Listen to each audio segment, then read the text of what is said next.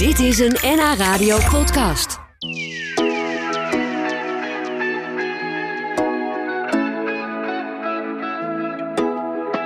Ik ga praten met Mart Brouwer de Koning uit Heilo. 50 jaar lang was hij bestuurder en voorzitter van de land- en tuinbouworganisatie LTO. Dat heet in Kennemerland Zaanstreek.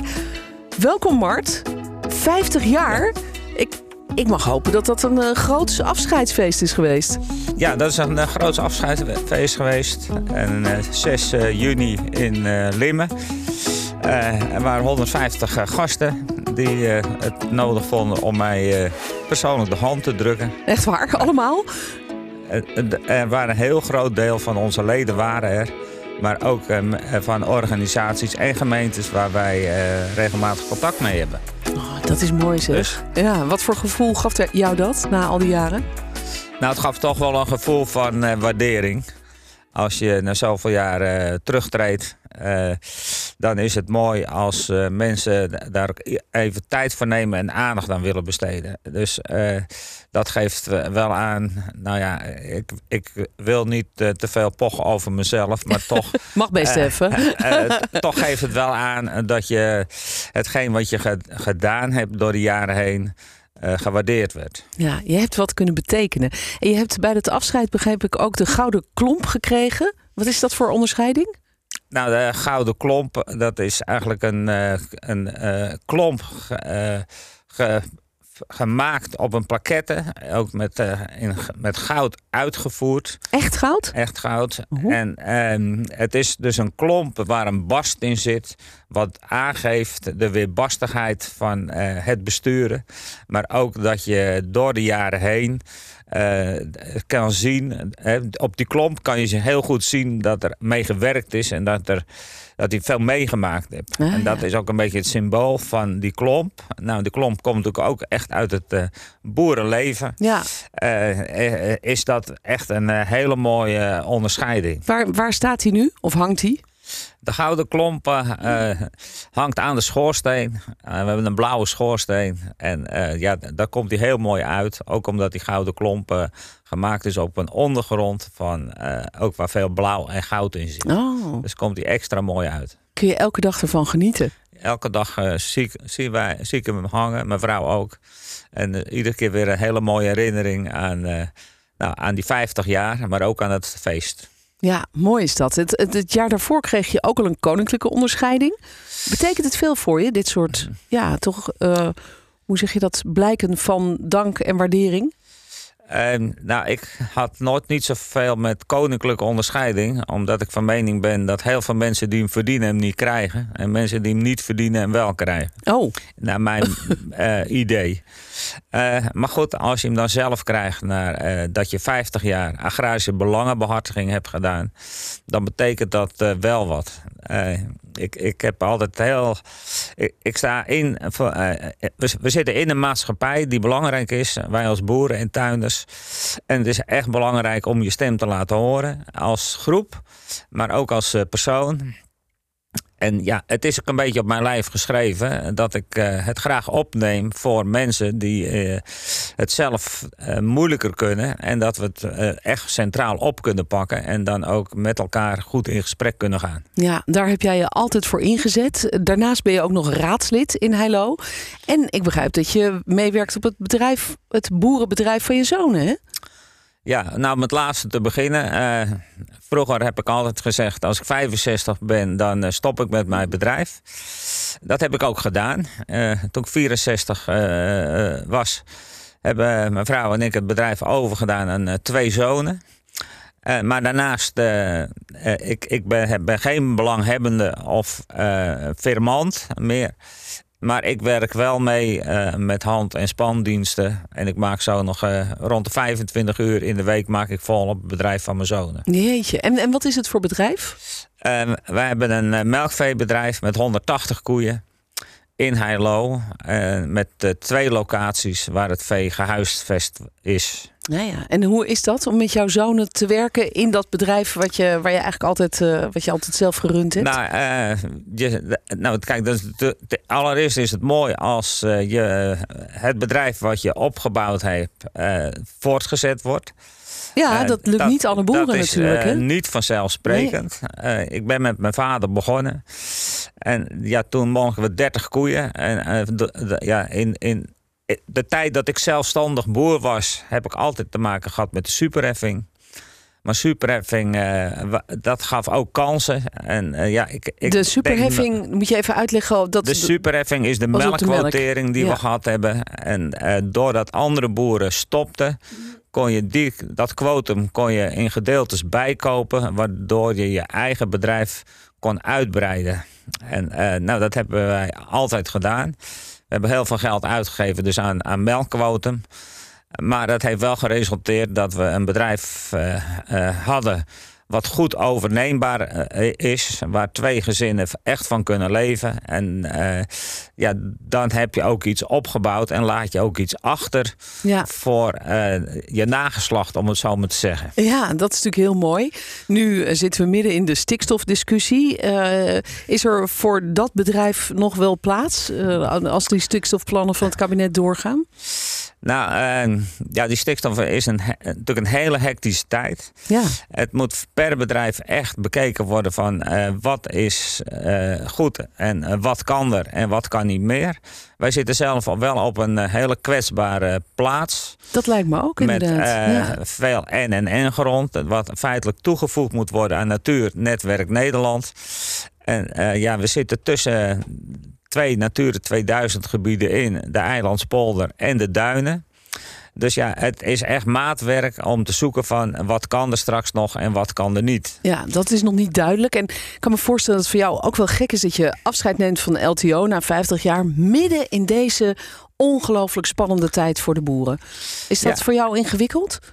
Nou ja, eh, op het moment dat, we, dat echt uh, het afscheid er was op 6 uh, juni, toen was de, uh, eigenlijk uh, de brief van uh, Christine van der Wal, die was er nog niet. Nee, we wisten niet wat erin stond. Die kwam er heel kort na.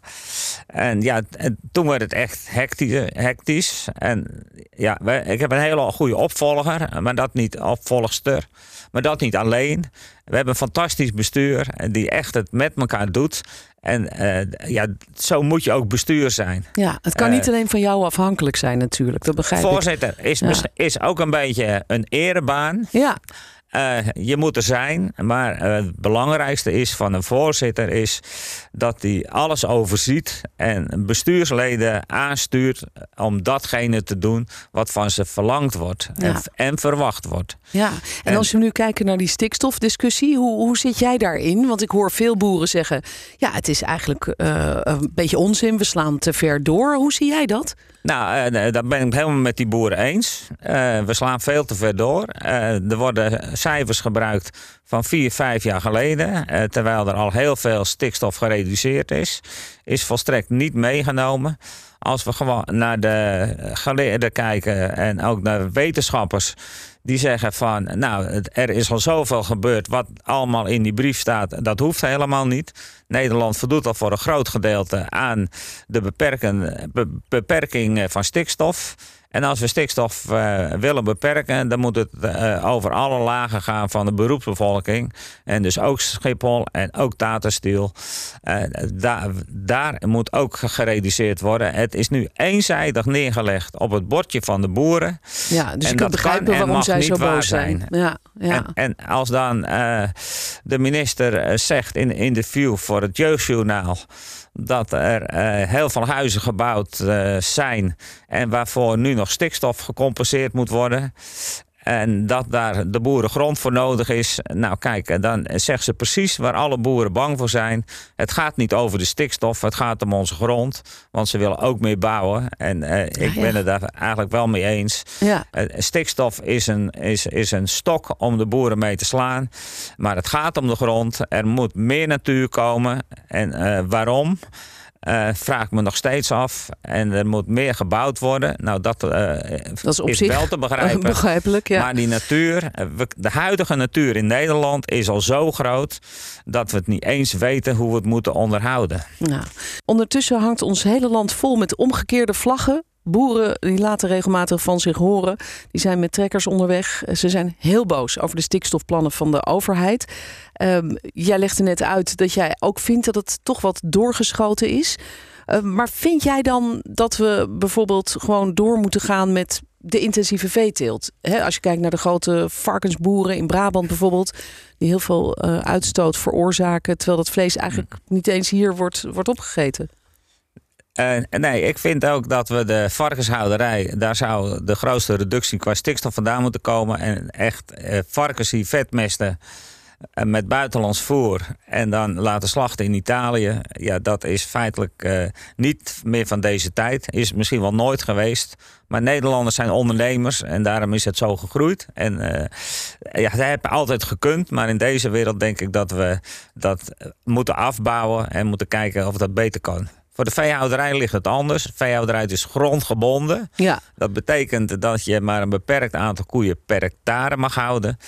En eh, dat je feitelijk uh, grotendeels zelfvoorzienend bent. Dus dat je je eigen voer voor je koeien van je eigen bedrijf haalt. Ja, en, want dat uh, is natuurlijk nu vaak een probleem dat ook het, het, veevoer voor varkens, dat komt dan van, van ver. Dat is dan heel veel soja en zo. Dat is natuurlijk ook weer een stikstof- en milieubelasting. Dat is allemaal milieubelasting ja. uh, en, en, CO2 natuurlijk. Ja. Dus, dus dat geeft echt een enorme, enorme belasting. Ik las ook een interessant artikel waarin stond dat een groot deel van het probleem opgelost kan worden als bijvoorbeeld melkveehouders biologisch gaan boeren. Dus inderdaad het voer van hier gebruiken, maar ook de koeien meer in de wei laten. Mm. Zodat niet de urine en de, de poep samenkomen. Want daar uh, vormt zich die ammoniak. Als ze in een weiland lopen, dan heb je grote, grotere kans dat de, de plas en de poep elkaar niet raken, zeg maar. Dat vond, klonk wel heel uh, ja. plausibel eigenlijk. Hoe zie jij Als dat? U, nou, ik zie dat uh, toch wel in een wat breder daglicht. Kijk, biologische landbouw is, is goed, maar niet op alle plaatsen goed uitvoerbaar. Als je uh, zandgrond hebt waar na weinig natuurlijke voeding in zit, wordt biologische landbouw heel erg moeilijk, want gras moet nog wel willen groeien. Op veen en goede klei gaat dat veel makkelijker. Ja, tuurlijk. Maar, maar ja. uh, als je gewoon uh, kijkt naar nou, de jaren 70. Toen ja. ging de Rijksoverheid, die stuurde voorlichters het veld in om de boeren te leren dat ze meer kunstmest moesten gaan gebruiken. Want dan ging het gras harder groeien en dan kon je meer koeien per hectare houden. Ongelooflijk, uh, en, hè? En ja. uh, toen kwam Mansholt en die zei: Ja, we moeten grote stallen bouwen voor koeien. Nou, dat, kijk, dat hebben we allemaal gehad. Uh, we zijn nu misschien wel wijzer dat het anders moet. Maar ja. ik ben van mening dat de gangbare veehouderij, melkveehouderij voor 80% al biologisch is. Ja. Als we kijken wat we nu doen en wat wij 20 jaar geleden uh, deden, dan is er al zo gigantisch veel. Uh, is er gekort op bemesting. Uh, mijn vader strooide 500 kilo zuivere stikstof. Dat is 2 ton kunstmest per hectare. En we zitten nu op 150 kilo per hectare. Ja, ja. En dus dat is een enorme reductie. Ja. En, uh, en maar zoiets, zoiets kleins als wat ik dan zeg en wat in dat artikel stond. Ik dacht als nou de, de overheid meer inzet op hè, de ondersteuning van het biologisch boeren. In de zin van dat de koeien lekker naar buiten kunnen. Dat je weer minder uh, ammoniakvorming hebt. Bijvoorbeeld. Hè, dat dat, dat maar, zou misschien toch nog wel wat kunnen helpen. Uh, 80% van de koeien, en ik meen het zelfs al 90% van de Nederlandse koeien. Die loopt 120 dagen in de wei. Ja. Ja, 120 dagen in de wei. Dus er lopen echt heel veel koeien in de wei. Maar het is niet zo, en dat stond van de week wel in een artikeltje, dat melk van uh, biologische koeien gezonder is. Nee, dat is niet zo, nee. maar daar zit ook, hè, want uh, sinds de jaren 90 wordt het ureumgehalte van de melk gemeten. En oh. ureum is stikstof, ja. uh, een stikstofverbinding. En uh, in die jaren was het zo. Uh, 30, 40 was, uh, dat waren getallen die veelvuldig voorkwamen. En Ja. biologische boeren zouden lager moeten zitten. Oh, Maar het was niet zo. Die, er zaten heel veel biologische boeren, die zaten hoger. En hoe kwam dat? Omdat biologische boeren, die gingen klavers zaaien. oh. En klaver, die bindt de stikstof uit de lucht en zet dat om naar eiwit in de plant. En als je dus veel klaver gaat voeren, schiet je ureemgetal gigantisch omhoog. Ja, ja, ja. En eh, nu is het, eh, is het zo, alle, nou, heel veel gangbare veehouders, die zaaien ook klaver door, eh, door het gras heen. Maar dan in een wat mindere hoeveelheid als dat het vroeger gedaan is. Nou, Omdat zo word ook- je langzamerhand natuurlijk steeds wijzer van Ja, wat, je- welke gevolgen iets heeft. Ja, Ehm, ja, er is, er, ja, de, eh, door, ja, ik wou zeggen door schade, schande word je precies. wijs. Ja, Maar kijk, vroeger zeiden ze van ja, het- het 30, 40 is te hoog, het moet 15 wezen. En, en nu is het 15 en lager. En, eh, er zijn bedrijven die zitten al onder de 10. En, ja, en als het lager wordt, zeggen ze ja, dan kan, kan die koe niet meer functioneren. Nee, nee. Dus het gaat ook altijd over wat is En- haalbaar ook. Hè? ja, wat is En- er haalbaar, maar wat is er ook nog gezond voor die koe? Ja. Jij hebt je 50 jaar voor de boeren ingezet. En, en eigenlijk misschien ook wel voor de koeien en, Mhm. en voor de natuur. Ehm, waar ben jij eigenlijk het meest trots op als je terugkijkt? Nou, ik ben wel het meest trots op dat we eh, een bevolkingsgroep zijn die steeds meer gewaardeerd wordt, omdat we steeds meer laten zien wat we doen. Eh, was het vroeger zo dat eh, de boer was hoeder en eh, gebruiker van het land Ja, en die ging zijn gang. Tegenwoordig is het zo. Eh, de burger, eh, en nou eigenlijk feitelijk iedereen, wil meepraten over wat er op, op het veld gebeurt. En wat of dat er rondloopt. En we worden steeds meer eh, gezien als een bevolkingsgroep die het werk uitvoert. Als dat dan zo is, dan moet je ook eerlijk zijn. En dan moet er ook een eerlijke prijs betaald gaan worden voor de producten die wij, eh, ja, die wij maken, die wij Ja. leveren. En, en eh, juist die openheid tussen de burger en de boer, ja, dat is echt iets, daar moeten we allemaal aan werken. En ik ben Ja. er wat dat betreft ook best wel trots op dat dat best eh, steeds beter gaat lukken. Ik blijf een bestuurder en ik blijf me inzetten voor de boerenstand in de breedste zin van het woord. Dankjewel. Dank Mart Brouwer, de koning. Na 50 jaar neemt hij afscheid van land- en tuinbouworganisatie LTO. Dit was een NH Radio podcast. Voor meer, ga naar nhradio.nl. Radio.